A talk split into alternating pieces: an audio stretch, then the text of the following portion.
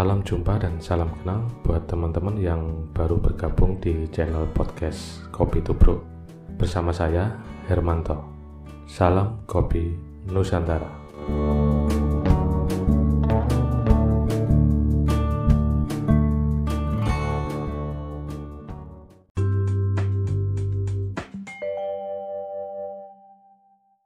Halo, selamat datang dan jumpa kembali bersama saya Hermanto di channel podcast Kopi Tubruk. Di episode kali ini kita akan ngobrol tentang sebuah alat seduh yang bernama Friend Press. Ya, alat Friend Press ini adalah alat yang masuk di dalam kategori metode seduh immersion. Apa itu immersion?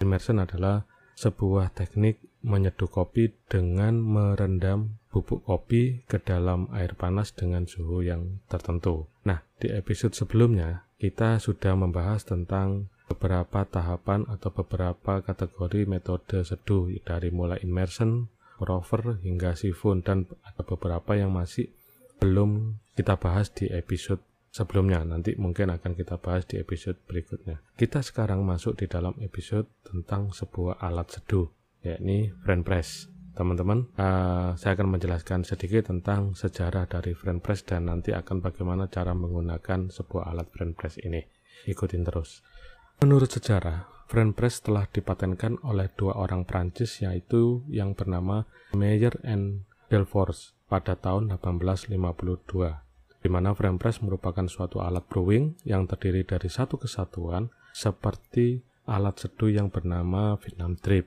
dan tidak membutuhkan tambahan alat lain untuk melakukan proses brewing tersebut. Brand press terdiri atas beberapa bagian, di mana bagian utama berupa wadah atau tabung yang terbuat dari gelas tahan panas yang dikombinasikan dengan stainless steel. Fungsinya untuk mencampurkan bubuk kopi dengan air panas. Wadah ini juga dilengkapi dengan handle atau pegangan untuk memudahkan menuang kopi dari hasil seduh tersebut.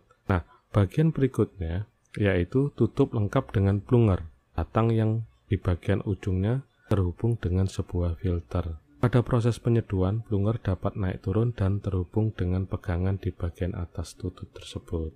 Nah, teman-teman, itu adalah alat seduh friend press. Bagaimana cara kita menggunakannya? Itu adalah sesuai dengan keinginan atau karakter dari yang kita inginkan dari sebuah kopi untuk kita cicipin. Teman-teman, itulah alat seduh kopi manual yang bernama Friend Press.